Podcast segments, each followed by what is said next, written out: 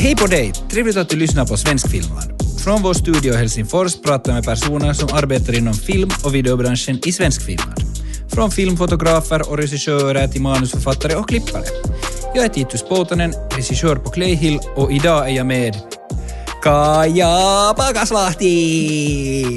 Hej! Kaja är regissör och manusförfattare. Hon har studerat film på Yrkeshögskolan Arkada och nu bor hon i Göteborg där hon studerar dramatik på HDK Valand. Hon debuterade med webbserien Badrumsliv 2019 på Yle Arena och en remake av serien har gjorts i Belgien 2021. Hej Kaja och välkommen till Svenskfilmland. Hej! Jag studerar förresten um, filmisk gestaltning just nu. Ah, så inte dramatik? Nej, nej men jag studerar gramma, grammatik. Grammatik? Filmgrammatik? Filmgrammatik förra året, så nu Ah. är jag expert på grammatik. Eh, men jag var på, alltså på ett folkis förra året på Biskopsarnö. Ah. Eh, och sen sökte jag ett masterprogram och nu är jag alltså här på filmisk gestaltning i Göteborg. Just det, och det är master alltså? Jo, Just det. kul. Men vi börjar med att du ska slutföra meningen jag börjar med. Jag skriver bäst när Det är kväll. jag blir tröttast på... Ehm, oj nej, jag blir tröttast på...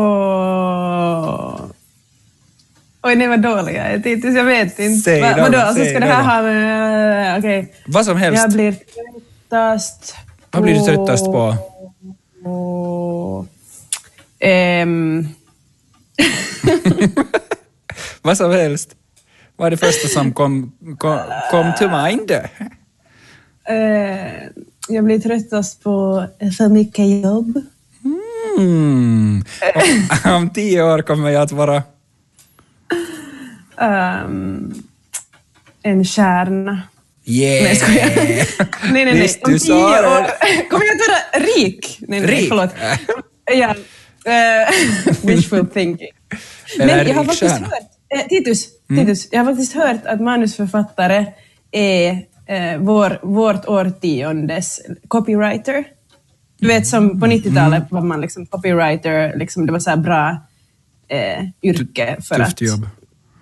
Eh, ja, och för att liksom, vet du, tjäna pengar. Och nu är, nu är liksom manusförfattare. Liksom. Mm. Ja, när det har exploderat med serier så ja, du får spotta ut sida efter sida. exakt. Ja, exakt. det är sant. Hej, men vad är din Idén. skrivprocess och hur utvecklas den? Hur har den utvecklats med det? Ehm, min skrivprocess. Nå, jag är ju en uh, dagboksskrivare. Ehm, så jag har mycket anteckningsböcker. Mm. Jag, jag arbetar mycket, eller jag skriver liksom mycket vild skrift. Det är sådär att man skriver precis vad som faller en in um, och bara låter det liksom komma. Um, så det, det är liksom mitt kanske grundmaterial till allting. Men det är ju inte heller ett färdigt material, utan det är kanske ett, jag gör det kanske mest för mig själv, um, för att eh, liksom förstå vad jag, vad jag tänker och, och tycker. Um, men men sen, sen måste jag ju liksom sen sen måste jag ju liksom plocka ut saker ur det materialet. Men det är ofta så som jag börjar, liksom att, jag, att jag skriver mycket vildskrift och sen hittar jag teman liksom där som, som jag är intresserad av. Och jag använder också en del av det, liksom, detaljer till, liksom i dialog till exempel. Så det är typ som att plocka blåbär och sen torkar du lite så är det sylt och saft. Absolut, absolut. Och då... Och den här, tycker, det, är- ja, vad det, är bra att ha liksom ett stort, ett stort liksom material som man, som man kan... Ju, ju mer, ju bättre, tycker jag. Går du ofta tillbaka sen och, och gräver i efter många år liksom sådär att hej, hur tänkte jag för tre år sedan? Eller finns här några idéer? Eller vad finns här? Mm. Så att du läser det du har skrivit. Ja, jag tycker det är nästan den, det bästa med att skriva dagbok. Eh, att man kan liksom titta tillbaks på mm, hur livet var just kanske vet du, tio år sedan, eller vet du när man var 17 och titta liksom med dagens ögon på det materialet. Och det hjälpte mig när jag skrev badrumsliv så använde jag jättemycket av mina anteckningsböcker. Mm. För att det handlar ju om, om liksom att, att vara eh, liksom 20. Och när jag skrev det så var jag ju ändå 27, så det var ganska mycket senare. Um, så det hjälpte nog liksom att, kunna placera, att liksom kunna placera mig i den positionen igen. Att skriver du dagligen? För jag tänker att hur får du, jag har försökt några gånger sådär för att själv få hålla koll på mina tankar och kunna på något sätt sådär, jag tror det också är terapeutiskt att skriva dagbok. Eh, mm. Så är det då så att du har en rutin av att varje morgon, eller liksom har du en viss tid som du har satt in så att du kan hålla det, eller är det bara så att det kommer, kommer som ett behov att nu måste skriva? Mm. No, för mig med det, alltså med det här alltså dagboksskrivande, så det är nog ett, ett behov. Det är liksom inget som jag räknar som jobb heller, utan det är något som jag gör alltid om jag har tid. Um, ja, alltså, någon gång så brukar jag skriva kvällar, uh, fast, fast nu har jag inte ens en sån rutin, utan nu är det mer som att jag har min anteckningsbok med mig och sen skriver jag liksom när som helst. Det är mer som... Mm, eller jag har den bara med hela tiden. Liksom. Mm. Det finns ingen tid. Det är liksom... Är, inflätat i min dag. Liksom. Det är en förlängning på hjärnan. Mm. Precis, exakt. Mm. Väldigt mycket så. Jag kan liksom inte, det känns som att om jag inte skriver så då har jag liksom inte riktigt tänkt. För då är mina tankar inte... Mm. Jag, jag, tänker inte tankar ända till slut om jag inte gör det med pennan i handen. Mm. Äh, men jag tycker liksom inte att det här skrivande är liksom jobb, utan för det är liksom inget färdigt, det är bara ett, ett liksom råmaterial på vad jag har tänkt under dagen. Eh, så um, om jag har ett projekt så sätter jag ju såklart ut tid varje dag. Eller liksom, jag skriver ju på arbetstid i så fall. Men nu, går jag, nu har jag skola samtidigt, så det är lite sådär att jag mm, ibland så skriver jag till exempel förmiddagen och sen gör jag skolarbete på eftermiddagen. Mm. Eller andra vägen. Eller på kvällen. Jag är liksom inte så bra på rutiner, så jag får planera varje dag. Liksom. På nytt? From scratch. Okej, okay, just det. Mm. Och, men, och sen så det där, men hur går det till då när du skriver ett manus? Hur går det så där kortfattat, tripp, trapp, trull? Absolut. Mm, no, först är det liksom det här insamlande av material, eller någonting, eh, jag har ett tema av något slag. Uh, och sen samlar jag liksom på karaktärer och situationer och kanske filosofiska frågeställningar. Alltså allt som på något vis har någon koppling till, till det som jag arbetar med. Uh, jag tycker det är ett ganska roligt uh, stadie av liksom processen. Mm. Sen, ja det är ju någon slags research också och liksom samlande. Mm. Och efter det så börjar jag liksom kristallisera och kanske sådär också, alltså tema kan också bytas tycker jag. Jag tror det är ganska viktigt att man är liksom, mm, att man är lyhörd, att, vad som, eller liksom att man faktiskt också försöker vara ärlig med vad är liksom det här temat. Man kanske har en idé liksom från början, men sen när man har sitt material så kanske det ändras. Om du vet vad jag menar. Ja. Vad händer sen? Eh, efter att du har samlat in de här olika grejerna. Eh, du har samlat mm. karaktärer, scener, filosofisk, mm. filosofiska, filosofiska tankar, frågeställningar, grubblingar och sånt. Ja. Bra. Ja, men sen börjar jag liksom eh, gallra lite. Processer är ju ofta så att de går ut och sen går de in som en sån här diamant, ja. tänker jag. Um, Ja, att, att, sådär, att hur kan man liksom kombinera, eh, till exempel om man har den här ena eh, filosofiska frågan, kan, kan den här karaktären liksom förkroppsliga den på något vis? Och liksom, eh, att man liksom försöker trycka ihop allting, vad har jag nu här egentligen? Um, och sen ja, och, och liksom bestämma att vad är det här temat? Liksom, och vad är, vad är kärnan i det här projektet? Liksom, att vad är liksom, eh, alltså, eller liksom premissen, vet du, så att, att man vet vad det här handlar om, vad man vill, vad, vad är liksom intentionen. Så det brukar, eller det tycker jag är viktigt att, att bestämma i det skedet. Mm. Och sen, och sen, no, sen liksom backstory till karaktärerna har jag arbetat med ofta efter det. Um, och liksom varför har de blivit på det här sättet som de är? Uh, hur har de, liksom, om de ska gestalta ett, ett problem, så varför har de det här problemet? Vad är de situationerna som, som karaktären har genomlevt? Och sen också i, i liksom samma veva så har jag också skrivit lite sådär uh, situationer var man kan visa det problemet liksom i nutid. Eller liksom, man vet inte ofta tycker jag att vad kommer med i manuset och vad är backstory. Det flyter lite ihop tycker jag. Men jag tycker det är roligt och jättenyttigt att, att hålla på med den där backstory-grejen. För ofta så kan man plocka in saker sen i manuset. Därifrån. Eh, ja, så backstory. Um, och sen, no ja, och sen kanske storylines för karaktärerna. Vad händer liksom genom hela serien? Och också sådär, vad är hela seriens båge? Uh, vilka storylines är liksom viktiga? Eller vilka ska ta lite mer plats? Man kanske vet det redan. Eller så vet man inte. Ja, men jag tycker att det viktiga är också just det här att man kanske inte, att man är liksom öppen för att man inte vet allting hela tiden. Och att man kan vara liksom, att man kan våga eh, vara lite osäker och att det kan få liksom förändras, liksom allting och strukturen också. Jag tror det är liksom faktiskt viktigt. Ja, det får och sen, leva.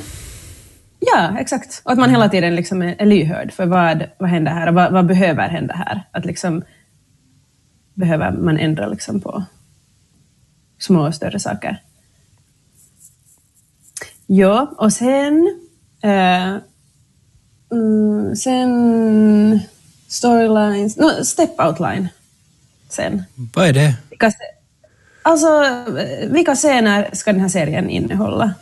Mm. Och liksom att man gör en lista på alla de scenerna. Jag brukar arbeta med step outline. Um, är det då att här presenteras det här, här förändras det, här händer det, här händer det? Mm. Jo, jo, eller det där är kanske mera beat sheet, eh, men step outline är ju sådär, vet du, att mm, att liksom exakt vad händer, eller liksom vad är dynamiken i den här scenen? Eh, Kaja splainar för Titus eh, step outline, typ. Skulle kunna vara en. Eh, alltså, så här, jag, vad, är min intention och vilja, vad gör jag till dig och vad, hur reagerar du? Okej, okay, liksom. Alltså all info som behövs för att den här scenen ska skrivas. Ja. Mm. Eh, så det, det, brukar jag arbeta med. Och sen är det bara att skriva. Okej, efter det, för då har du liksom sen allt, då har du lärt känna karaktärerna, då har du mm. eh, samlat samla all info, sen gjort backstory mm. och sen den här... Step outline. Mm. Just det. Och sen är det, sen är det bara att, att skriva då? Ja. Ja. Och sen skriva om och skriva Exakt. om och skriva om. Ja. Och också, alltså, ja, och en jotto som jag har märkt också att, att sådär, fast man har gjort den här step outlinen, och det kan vara ett ganska sådär fittigt arbetsskede, för det känns så att man känner inte ännu de här karaktärerna, man vet inte ens liksom att vad som man vill att ska hända. Det kan vara ganska irriterande faktiskt. Och jag, jag vet mm. inte ens om, om jag liksom förespråkar att man alltid ska göra det faktiskt, men jag har, jag har nu råkat göra det i alla grejer som jag har skrivit. Också för att produktionsbolag ofta vill liksom ha den där step-outlinen för att de ska veta exakt, vet du, innan, för att de ska kunna mm. godkänna innan manusarbetet börjar. Liksom. Just det. Men jag har, jag har upplevt att, um, att ofta när jag börjar skriva, så det är ju första gången jag faktiskt hör den där karaktärens röst. Uh, och liksom, för mig så ändras karaktären ofta när, när, alltså, när jag börjar skriva scener. Mm. Och också, det, liksom step-outlinen lever också. Att jag slår ofta ihop scener eller, eller ändrar saker. För man kan inte veta alltså innan man har börjat, tycker jag. Skriva manus. Ja, det blir som en resa som man åker på med dem och då lär man känna dem. Exakt. Mm. Och de pratar och stiger fram och, ja, i bästa fall. Ja, då måste man ändå tänka hela den där dramaturgin i den där, vad heter det, step Step outline, ja. Step outline, ja. Och, och allt hur det svänger och vad som händer sen och vad någon förändras. Exakt, och det är väl kanske det som är det viktigaste, att man har mm. en struktur. Om det är en sån serie som behöver ha en struktur. Vilket vilket de oftast behöver. ja. ja. Men äh, sen hur många gånger skriver du om då ett manus sen, ungefär i genomsnitt? Mm, no, det beror på hur mycket tid det finns. Att skriva om... No, nu har jag hållit på med ett Instagram-drama i ett och ett halvt år. Okej. Eh, för, att, för att det där eh, inspelningen har skjutits upp. Och vi har haft lite så här, oh, vi har liksom inte varit helt säkra på den där budgeten och den blev sen mindre. Och i sådana fall så måste man skriva om. Jag har skrivit om jättemånga gånger och nu har jag ändrat liksom hela grejen. Uh, och det är ganska kul för det är ett så litet projekt. Det är liksom det är lite läppe att, att man kan hålla på så länge med, med något som ändå är liksom så småskaligt. Um, men ja, så det har jag då hållit på med i säkert ett och ett halvt år nu. Ehm, så så kan det vara. Ehm, eller sen no, badrumsliv skrev jag inte många gånger för det fanns inte tid. Jag skrev det just och just färdigt. jag tror inte att jag skrev om det faktiskt. Okej. Nej, det fanns inte tid för det. Nej, just det. Blir du inte trött på då, jag tänker det här Instagram-drama, eller liksom sådär att om det, finns, om det finns oändligt med tid så blir det någon gång så att kan inte det här ta slut nu redan? Absolut. Absolut. ja. ja. Alltså, det känns ju lite som att den där berättelsen är liksom som att den är sådär eh, sönderskriven nästan. Mm. Eller den börjar kännas ganska liten liksom, när man håller på så länge med den och den är liksom inte större än vad den är och den kommer inte bli det heller. Så det, det, är ju, det kanske tar lite på motivationen att liksom slutföra det. Mm. Men det är ju också ett jobb, eller liksom mm, om man har kommit överens att det ska göras så då, då gör man ju det ändå. Mm. Liksom. Och det är ju ändå, ja, jag, jag njuter ändå av det här jobbet så inte stör det mig att skriva om tills det är färdigt. Liksom. Mm. Mm. Jag blir nog trött på mitt material, eller, eller, liksom sådär om man håller på för länge. Speciellt i, i postproduktion, i klippande. Så då är det nog Ja. jätteskönt att det finns alltid en deadline, att nu måste det vara klart. Så sen kan du Ja. liksom fila till en viss mängd, men sen till sist så... För jag känner också i vissa fall så blir jag sådär att det blir inte bättre mera. Eller det finns så oändligt Mm. många sätt man skulle kunna göra det. Vem vet vad som skulle ha varit rätt och vad som skulle ha varit fel? Viktigast är väl att jag fick ut någon version som kändes som att jag kunde stå bakom före deadlinen kom och åt upp mig. Verkligen. Japp, det där är nog sant att det finns så många sätt. Eh, man måste bestämma sig. Eller liksom, ja, deadline är skönt. Ehm, Det bästa. Japp. Deadline-älskarna, Titus och Kaja. ja. Är det så att du har sen mycket sådär, sen när det börjar gå till förproduktionen och regissören börjar dissekera manuset och, och titta in i det, så är det då så att, vad känner du om att ha rätt att säga då? Och vad känner du att inte ha rätt att säga då? Jag har inte varit med om det. Okej, är det Jag bara har, så... jag har bara skrivit mina egna jotton. Just det. Hittills. Ja. Eh, så jag vet faktiskt inte vad jag skulle känna. Ingen har kommit och förstört. Nej, jag har bara själv Ja, Själv förstört. Exakt. Eh, men vänta nu. Ja, för ett badrumsliv skrev jag själv och sen regisserade jag det. Eh, och sen har jag, har jag gjort de här Instagram-dram... Den här Instagram-draman. Inte har jag sen gjort så mycket annat faktiskt, för sen började jag plugga igen. Sen har jag skrivit manus liksom. I två writers rooms. Den Ja. här, det här året. Men jag har inte sen regisserat, eller de är inte heller i produktion ännu. Jag vet att den ena eh, så kommer jag absolut inte att regissera. Det är för Yle, en sån där, handlar om liksom en stallmiljö. Mm. Eh, så, så då kommer jag att få uppleva det, att jag har skrivit och sen, Ta någon annan sen det. Ja. Ja. Ja. Fast nej, vänta, jag glömde faktiskt ett projekt. Eh, jag gjorde en sån här musikvideoserie för uh, Vicky O'Neon, artisten, med hennes musik. Um, och, och där så, så hittade jag liksom på en berättelse som vävde ihop alla de här sångerna tillsammans med Vicky och, eh, och Jamie som då är fotograf. Och det var liksom tanken att jag skulle regissera också, men, men vi märkte att det, finns, det är liksom inte möjligt tidsmässigt, jag kommer inte att hinna. Så det, det gav jag faktiskt vidare bara. Um, och nu var det lite svårt, för att man är ju fäst vid liksom hela den världen och visionen. Och det är liksom svårt att skiljas alltid.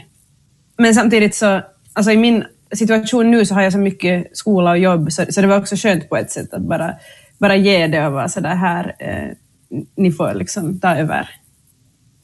Ja.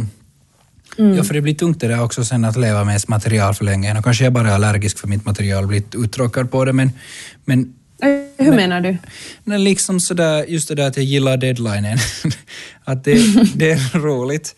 Och, men sen också kanske det där att också att lämna bort till andra att förstå att det krävs många människor, för jag tror jag kommer från en bakgrund av sån här mm. one man band och ha total kontroll och göra allt själv. Och sen egentligen, ja, sen är det roligt det där att, att sen ser du att det att någon annan har tolkat det på något annat sätt och kommer in med någon egen spännande sås i projektet, så, mm. så kan göra det så mycket bättre egentligen än vad du själv satt och drömde om.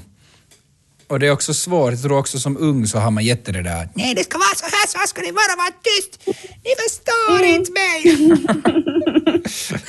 Jepp, jepp, jepp, jepp. Nej, men alltså jag, jag relaterar så mycket och typ sådär, men jag, jag, tror att jag fick verkligen smaka på, eller vad ska man säga, eh, jag fick verkligen sådär, jag fick ju skriva och regissera den där Badrumsliv helt själv.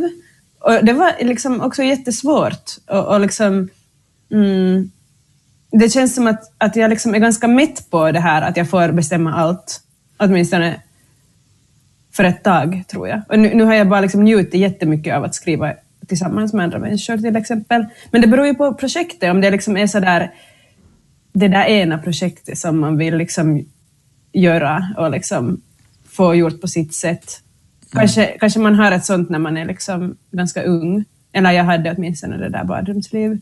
Men nu känns det sådär som att jag har inte samma behov just nu av att liksom bestämma allt till exempel, eller liksom att det ska vara exakt på ett visst sätt. Jag har liksom inte, de projekten jag gör just nu är inte sådana, de, det är inte liksom den typen av idé heller, utan, utan mm, no, vi har till exempel, vi skriver med en grupp som jag träffade på Biskops Arnö, så skriver vi, eh, vi är med i serieverkstaden mm. och skriver um, en serie som, som handlar om en, en amnesiklinik, alltså en, en klinik för minnessjukdomar. Och det är liksom i en sån värld var minnessjukdomar har blivit mer vanliga. Mm. Och, och det är jätteroligt att skriva den för att, för att den är liksom den är sådär massiv på något vis. Och jag skulle aldrig kunna skriva en sån grej själv heller. Ingen, eller liksom, det är inte en sån sak som, man, som en person kan göra, utan, utan det är att det finns liksom tre olika hjärnor som, som spottar ut idéer och funderar på hur allt ska hänga ihop eh, är liksom ganska sistig. Mm. Det blir mera hästkrafter. Mm. Eller när det är mera människor som jo. grubblar.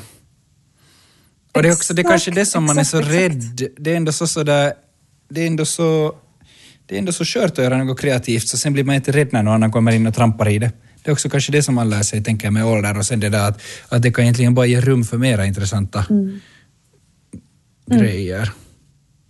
Jag tror man måste vara ändå ganska bekväm med de människorna, eller liksom åtminstone att, att liksom den där gruppdynamiken är, är, är viktig. Och, eller det är viktigt att alla bryr sig om den, liksom, att, mm. att det är uttalat, att alla ska få någonting ut av den här processen. Att det ska inte vara någon liksom, one man show, utan att, vet du, sådär om om en av oss inte har fått någon idé genom på jättelänge så är det liksom ett problem. Då måste kanske alla lyssna och liksom låta den här personen bestämma någonting. Eller liksom att det där, eh, man kan, man kan, jag, jag, tycker det är viktigt att man inte tänker heller, alltså det är ju klart att, att slutresultatet är viktigast, men det är inte heller som att man själv vet alla svar för hur, hur man ska komma dit, utan liksom gruppdynamiken är också något som man måste värna om för att man ska kunna komma dit. Mm vet du. Ja. Och tillsammans mm. så inte... Det, det är svårt, man måste glömma mm. ego ibland. Mm.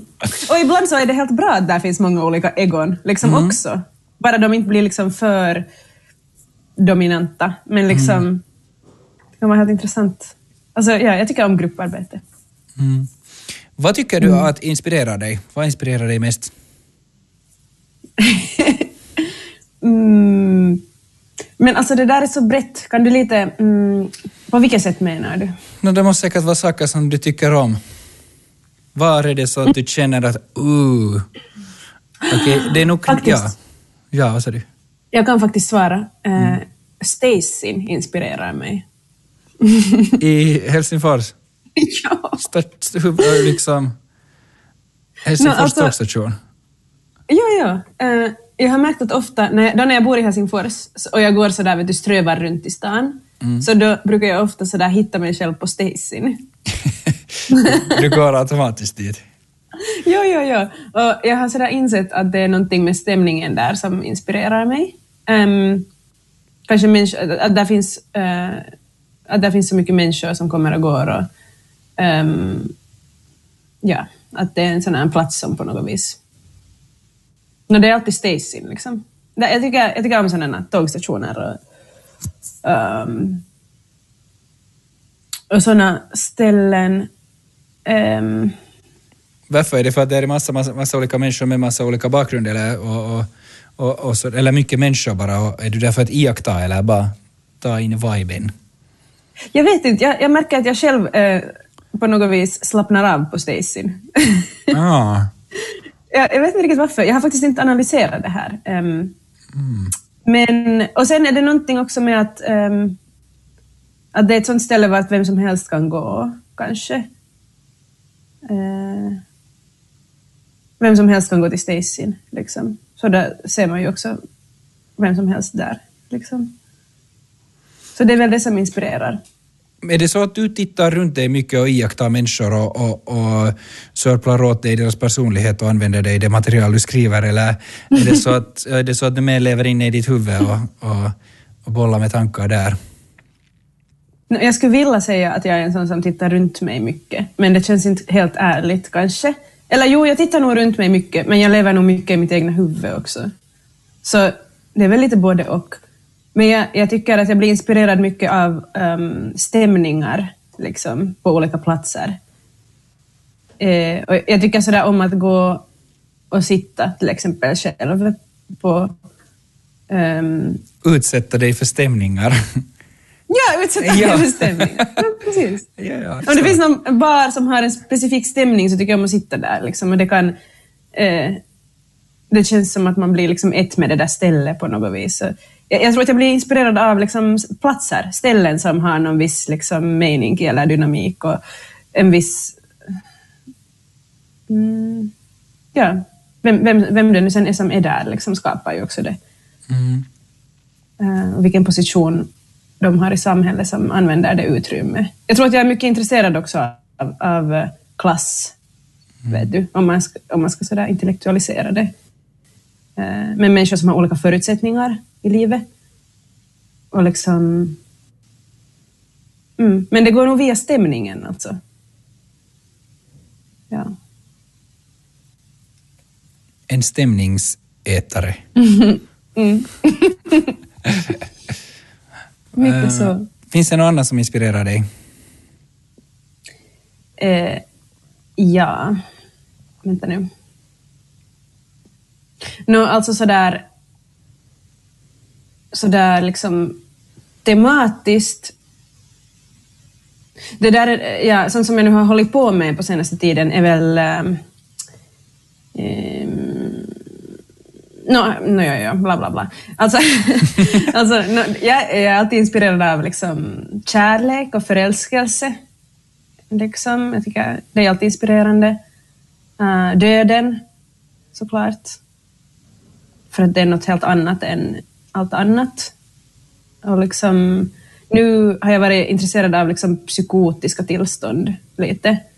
Och um, ett eh, begrepp som heter um, abject på engelska. Och det handlar om att man liksom um, att man känner igen döden i sig själv. Uh, det är liksom ett, ett tillstånd av att, alltså, det handlar egentligen om att man liksom äcklar sig eh, på saker som påminner en om döden. Men man kan också, det, handla, det kan också handla om att man liksom själv identifierar sig med något som är dött. Så det är typ ett sånt, det är typ sånt som jag har lite läst om nu. Alltså att om, jag- om man ser något dött kan man relatera till att dö själv eller? Ja men typ, typ, typ, ja. Ja, det är typ den mekanismen. Och, och också liksom den samma mekanismen gör att man kanske inte relaterar. Alltså att man, till exempel människor som man inte relaterar till, att man liksom känner någon slags äh, äckel eller hat. Liksom. Eh, ja, men jag är inte så bra på att förklara det här. Jag har typ, jag har typ läst lite om det, men, men det intresserar mig. Jag, skulle, jag, vet inte, jag tänker kanske göra en Döden, alien. För döden. Ja, vad sa du? Ja, du ska göra? ja. En... Eh, liksom, en eh, alien-film kanske, på Stacyn. Ah, nice. Det är nu min idé just nu. Får se. med, med mycket eh, stämningar. Mm, exakt, väldigt mycket stämningar. Ja. Nice. Vad, är det, vad gör en eh, karaktär intressant skulle du säga? Eh, nå, jag tycker att... Mm, nå, förstås dens vilja, liksom, att den vill någonting. Eh, och sen liksom var den är. Men det är nu, det är nu, ja, det är nu basic.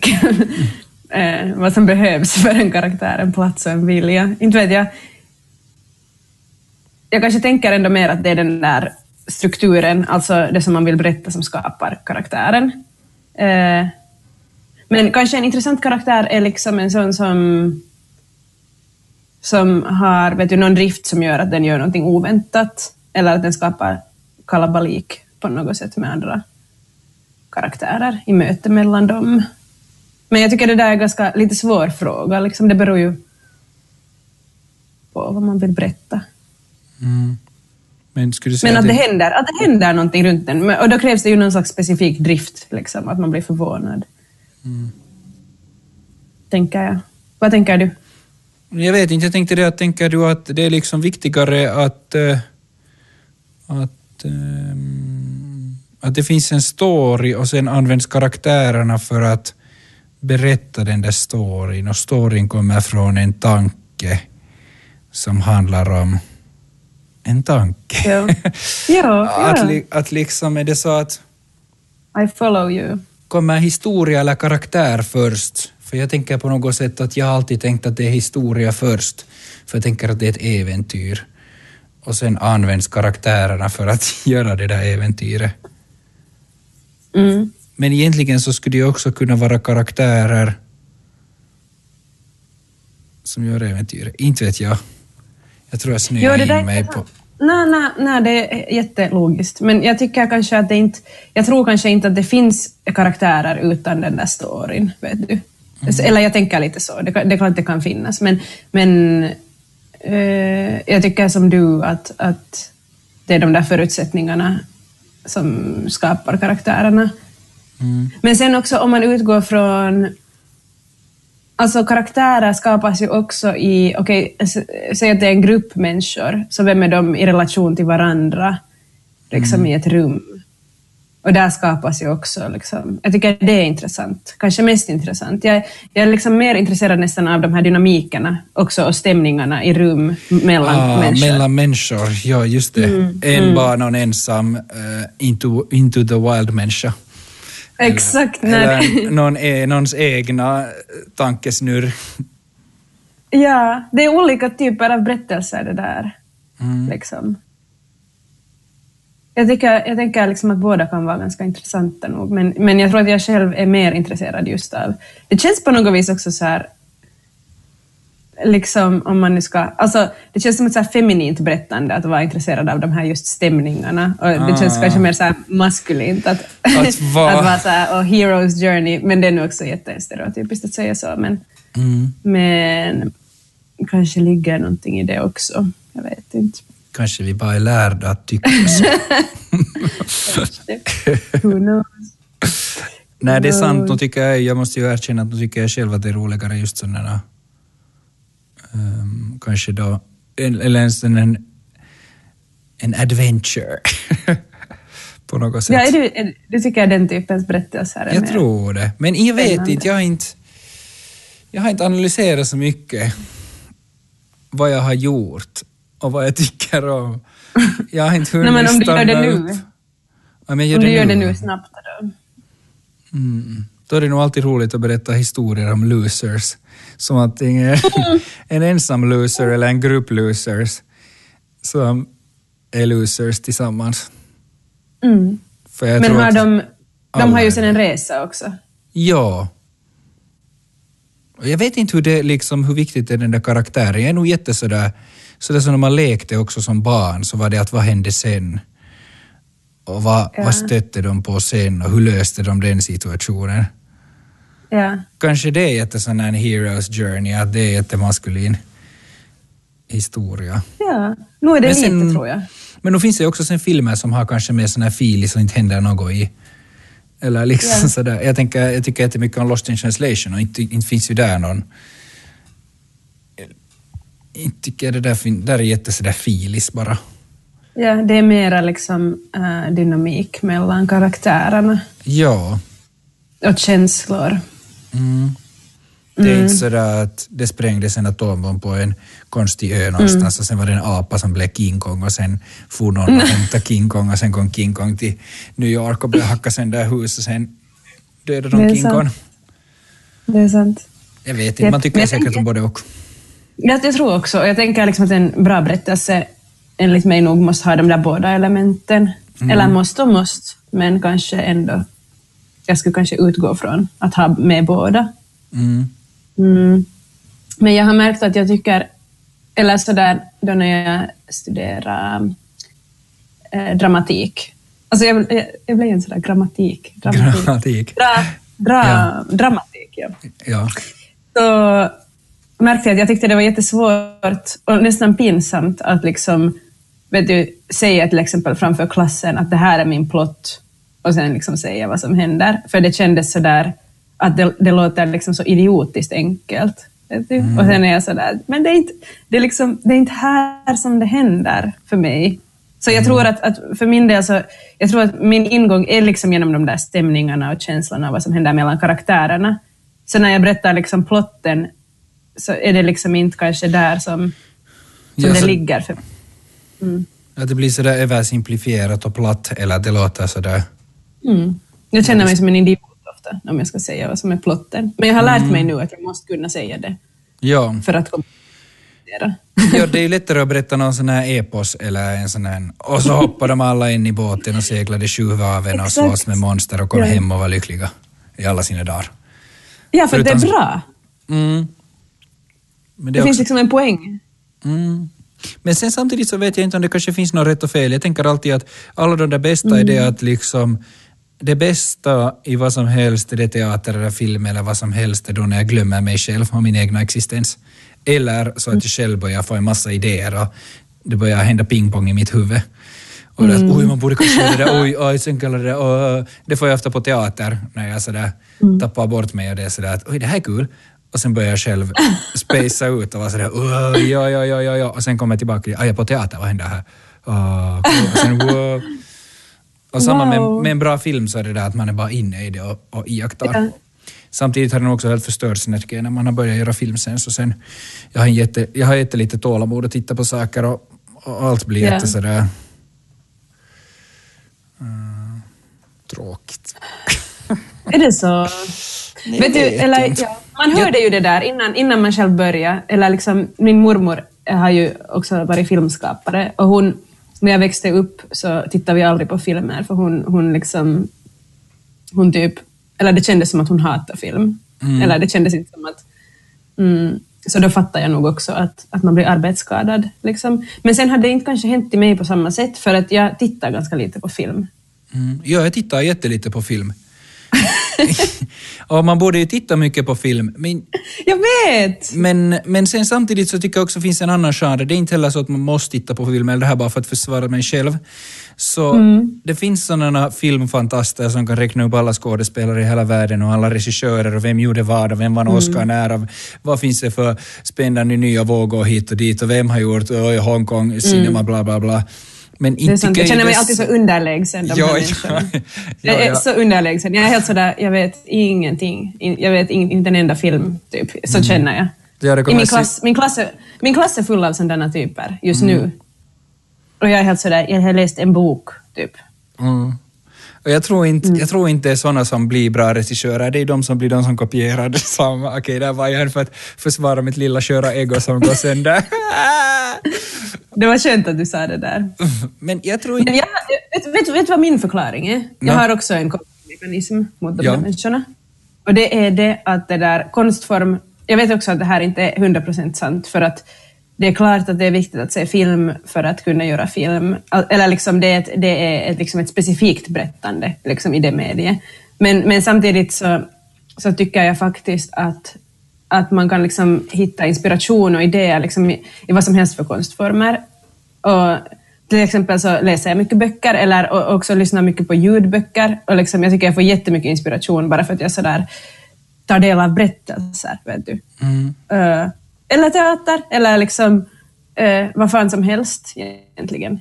Tycker jag kan ge inspiration till film. Musik, för film är ju liksom ändå en kombination av mm, alla de här konstformerna.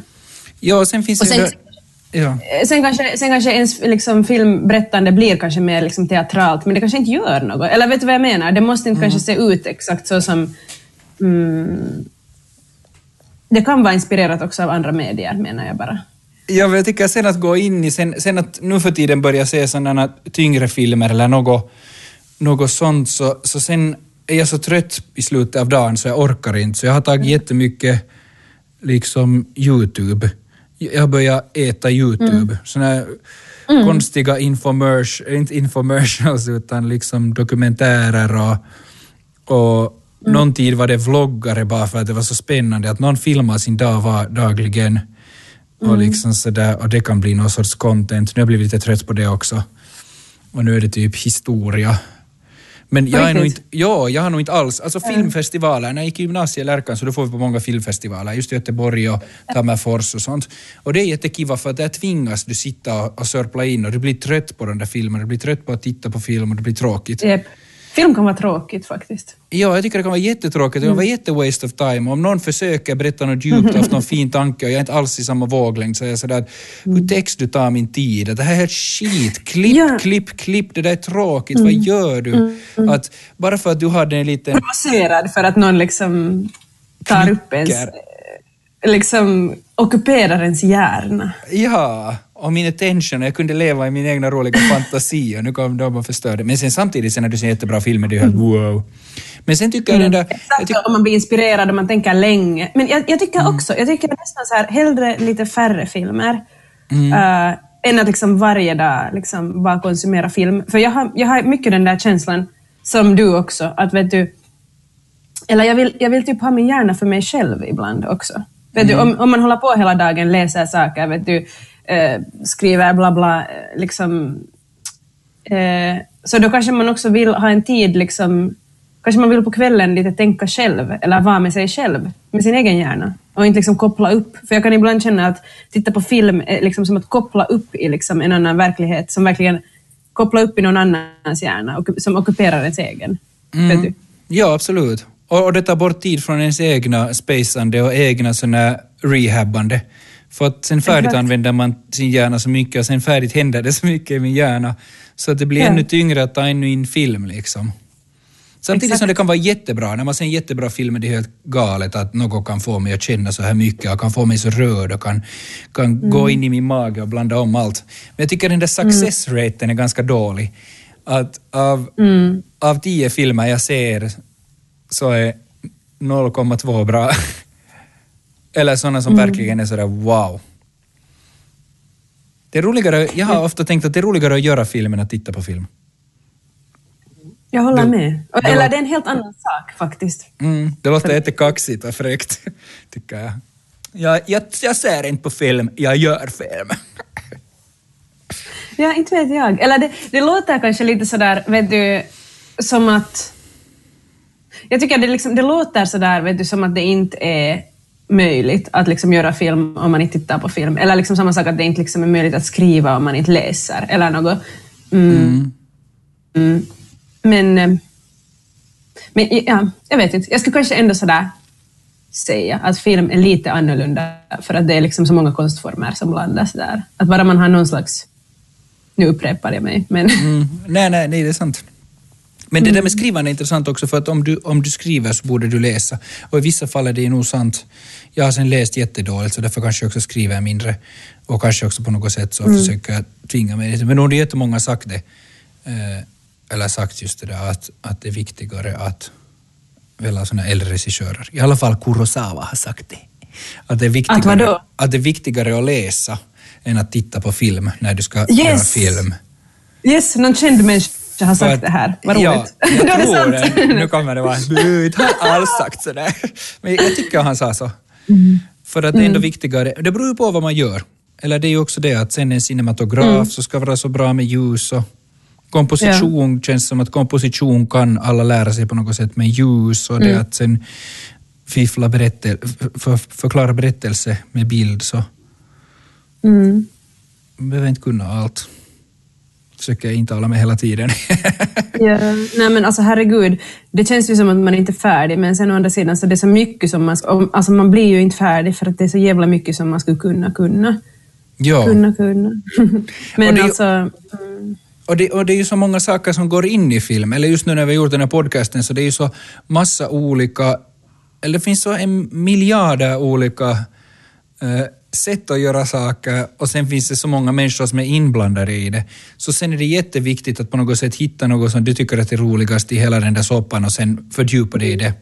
För att sen när du fördjupar dig i det så sen kan det börja öppna upp helt megavärldar. Och sen känner jag att jag har lite försökt springa runt i de här alla positionerna. Och sen är det bara sådär att man ser inte det hela. men vad är din favorit tror du? Är det regin då? Jag tror regi. Jag vet inte. Vi får se. Men du skådespelar ju också, Titus. ja, men det gjorde du ju? Ja. Det gjorde ja, ja, du, men du skådespelar, du, du, skådespelar ju, du skådespelar ju nu för tiden också. Du, eh, du var, vad hette det där barnprogrammet? Jag, jag tittar på det. Lekis dagis, det som vi gjorde. Ja. Vad ja. tyckte du? Det var kul. ja, ja, alltså det... Nu tror jag det är regi, för jag tror att det är roligast att jobba med människor och fundera ut hur du kan, hur du kan få fram något. Jag skulle säga att det då är liksom skådis och regi som är kanske närmaste. ja, jag håller med. Men jag tycker, att, jag tycker att manus också går in i, i samma kategori. Jag tycker att manus, skådespelare, regi i, är i princip liksom en jotto.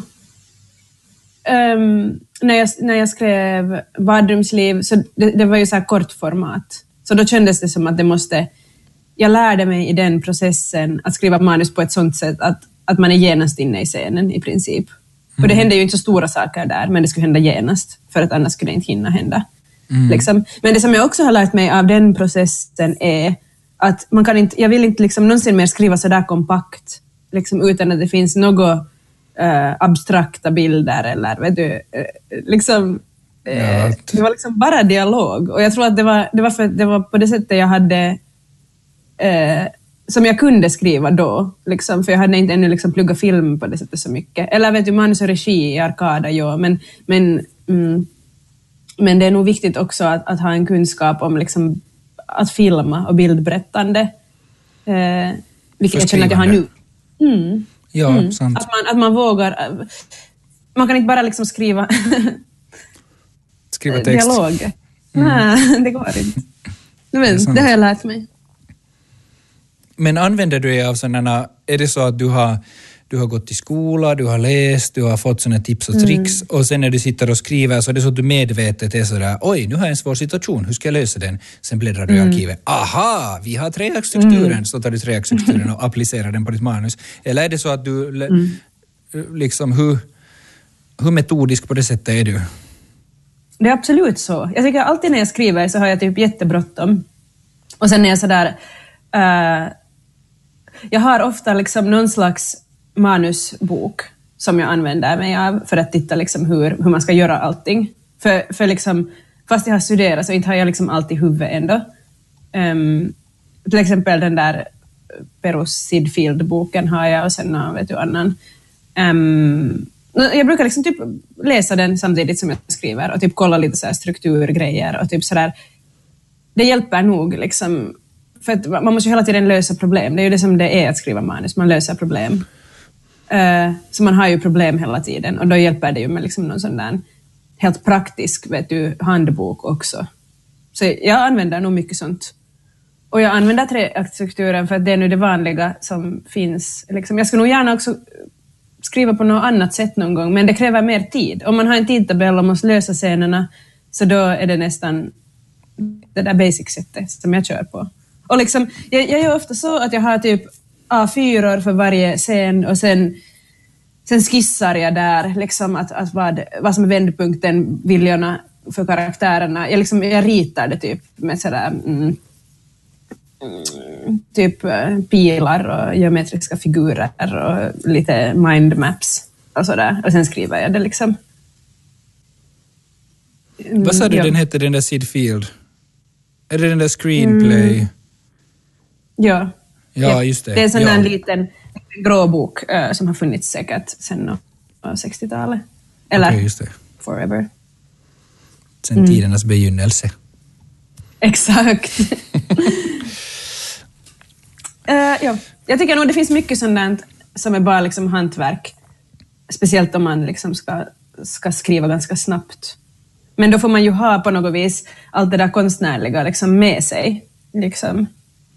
Och sen gäller det liksom att organisera det. Mm. Usch vad tråkigt det låter. Ja, men så är det, så, så är det väl med, med jobb. Eller, och tid ja. och deadlines. Att man måste deli deliverera. Och det är ändå, inte det är ju så att den där, bara inte treaktstruktur, inte det är en färdig film. Det är ju sen vad du sätter in dit som sen blir den där mm. filmen. Så nu är det ju mm. jättestor input ändå som kommer in dit och gör något. Och mm. berättar historien och karaktärerna och allt sånt. Och det hittar man ju på själv. Exakt, och inte en struktur. Liksom, jag tycker inte heller att man kan säga att en struktur är tråkig. Det är liksom bara ett sätt att organisera sitt material. Mm. Det, det är också lite liksom äh, konstigt att sådär sådär att man inte vill använda treaktstrukturen för att det är så perus. För att liksom... Mm. Alltså vem bryr sig inte om en struktur? Alltså det är ju materialet som ska tala. Sen liksom hur man, hur man liksom får fram det som man vill säga liksom på det bästa och mest konstnärliga sättet är ju liksom huvudsaken och då kan man använda liksom den strukturen som, som funkar, helt samma. Mm, ja, det är sant. Ja, det är ju mm. som att, som att om man finfördelar allt så sen finns det ju ändå sådana gyllene snittet och, och sådana saker som mm. människor tycker om. Vi tycker om, för det mesta tycker människor om söta och salta smaker och, och inte så kanske mm. mycket om jättebittra smaker. Att det finns ändå sån en, en, en gyllene mellanväg som har uppfunnits för, mm. på grund av en orsak. Exakt. Och då är det också så att de är korkade om man inte använder det. Exakt, och i film så tycker jag också att alltså man använder ju mycket liksom... Uh, alltså många bilder är ju på ett sätt klichéer som man använder.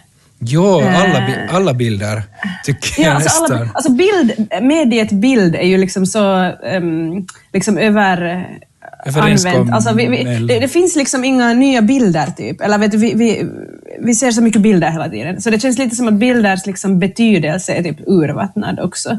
Och då, mm. då känns det också som att man kan inte bara liksom, man kan inte Liksom, man kan inte ha ett bildberättande som, som inte använder några klichéer för att eller vänta, hur ska jag nu säga? Det är också jättekul att sådär om, liksom skapa ett nytt berättande och försöka göra någonting nytt, men det, alltså, ofta så Mm, om man försöker berätta en berättelse och, och liksom ta bort alla solnedgångar och alla...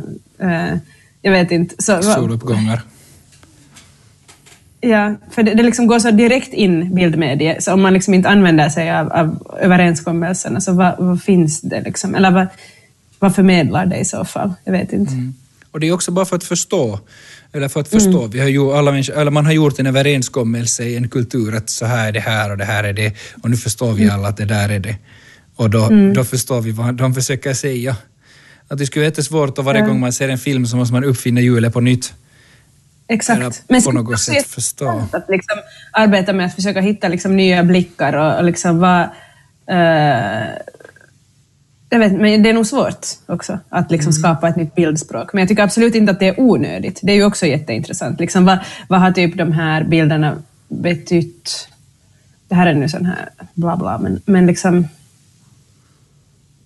Jag skulle gärna också vara liksom... Eh, nyskapande, men det är också väldigt svårt. För det finns så jävla mycket bilder. Vilken del av manuset skulle du säga att det är svårast att skriva? Jag skulle säga att slutet är svårast. Um, för, att, um, för att det blir... Uh, man, man måste säga någonting, det blir som en statement ofta. Ehm, um, vad man lämnar tittaren och liksom vad, vad man ser, vad som är sista bilden. Det säger någonting om... det blir som att det säger någonting om hela berättelsen ofta. Ehm, Mm, ja, och man kan inte heller kanske låta bli att säga någonting i slutet, för att annars blir det liksom... Mm, Löst. annars så, ja, man, man, det behöver, någonting behöver sägas. Och det är mycket press på det som ska sägas där. mm. Ja, det är någon, någon känd filmskapare, igen för att jag är så bra på namn, så kan jag säga, men jag kommer inte ihåg vem det är, som just att, att slutet är det absolut viktigaste. Också sen i själva mm. regissörens arbete av att hur du väljer att klippa den eller i, i klipparen. Att mm. bara, redan bara några bilder bort eller liksom helt små saker kan svänga upp och ner på allt. Jo, det är jätteviktigt faktiskt. Alltså, mm. Jag såg just en dockare på CPH Docs som heter White Cube. Mm. Av Renzo, tror jag han heter. Mm. Och den är sån där liksom decolonial, typ. Um, handlar om... Uh, liksom, no, det är jättekomplicerat, men sista, sista bilden, jag, jag berättar nu inte den där storyn för det tar länge, men Ja. sista bilden är liksom att han, han bygger en white cube som liksom symboliserar sådär konstvärlden i väst och han bygger den liksom i, i Kongo. Och det är liksom en kritik, men det är också, den där sista bilden är så jävla stark att den sådär, mm, eller sådär, eh, att den den på något vis ändrar på hela filmen som ändå har varit sådär ganska aktivistisk. Eh, alltså, ja, bara ett exempel på, liksom, eller det var kanske den senaste filmen som jag såg, var jag tyckte att den där sista bilden verkligen ändrar hela filmen. Liksom. Um, ja, jag tycker bara, ja, det är nog jättenoga med den där sista bilden. Och till exempel i Badrumsliv så tycker jag att jag misslyckades med slutet. För att jag ville egentligen att den berättelsen skulle handla om liksom hur ett bäs- bästisförhållande kan vara ens liksom viktigaste förhållande. Men det var helt omöjligt att berätta för de bodde redan tillsammans och någonting skulle hända. Och sen ville jag kanske egentligen att, att, vet du, eh, att ingenting skulle förändras. Liksom. Men det, det liksom funkar inte sen eh, riktigt. Så det var liksom helt omöjligt och jag tycker där att jag misslyckades för att det, det kom inget sånt slut. Alltså punchlinen blev inte den som jag menar. Mm. Mm. Mm. Så det är svårt. Det är svårt. Det är sant. Kanske man borde alltid börja med att filma sista bilden så man är garanterad på att nu har vi det safe. Skriva Kanske. Det är sista faktiskt en bra idé. Att skriva slutet, alltid börja från andra ändan. Men problemet är ju då att, att då har man låst berättelsen. Ja, det är sant. Det kanske inte, det kanske inte är så bra om man, om man vill vara liksom lyhörd och låta, låta liksom det som känns mest ärligt och sant hända. Det är sant. Thomas Fast kanske, de, kanske, de, kanske de inte utesluter varandra. Man kan ju skriva sista scenen och sen kan man... och sen fixa vidare. Och sen gå tillbaka och ändra. Mm. Jag tror säkert att det är många som börjar med slutet, tror du inte? Ja, jag skulle tro det. Kanske. Jag vet inte. Kanske. Hur, fa- jag, en, en, en, en sista grej. Hur har du disciplin att Mm. sätta ner dig och skriva? Är det svårt? Eh, ren ångest. Ren ångest till att du inte har gjort det och att du har en deadline. Det är det som får dig. Nej, alltså, jo, typ. Det är kanske det som är drivkraften till att börja. Jag har typ upplevt nu de, de senaste åren, eller de senaste åren att jag inte har något alternativ. För att eh, typ allt kollapsar om jag inte arbetar då när jag ska arbeta. Liksom. Mm. Vilket nu låter lite dramatiskt. Ja. Men det, förlåt. Men mm, inte vet jag, jag tror bara så att, att man, man måste nu bara jobba. Om, man, om det är ens jobb så måste man jobba. Annars så blir det ogjort och då, då är det inte bra. Man har en överenskommelse med någon. Mm. ja, Och det måste- ja. Ja. Men jag tycker ofta det är svårt att börja. Det är ju roligt. Alltså, sen när man väl sitter och skriver så tycker jag att tiden går ganska snabbt ofta. Mm. Men början, det kan vara svårt. Det är sant. Mm. Jag tror att det är ofta det att man är liksom rädd för att man inte vet hur det kommer att bli. Det är en viss osäkerhet. Um, och därför vågar man inte börja. Eller därför tror man att man har ångest. För, eller därför har man ångest för att börja, för att man inte vet. Det finns inte ännu liksom. Mm. Det är sant. Men Man jag vet inte måste-. Exakt, men jag tror man måste känna efter mindre, faktiskt. Mm. Gällande den jutton. Känsla är bra ibland, men inte alltid. mm. Super, det här var jätteintressant att tala med dig, Kaja. Det var jättekiva, Titus. Tack att jag fick komma. Tusen tack Tack att jag fick komma till ditt program. till Svensk Filmland. Yeah! Det är jättekiva titel, jag älskar det. Svensk filmland. Filmland. Jag coinade när jag var lite stolt och tyckte det var lustigt. Det är amazing. Genialt. Yes. Du har tittat på Svensk Filmland och idag talar vi med Kaja.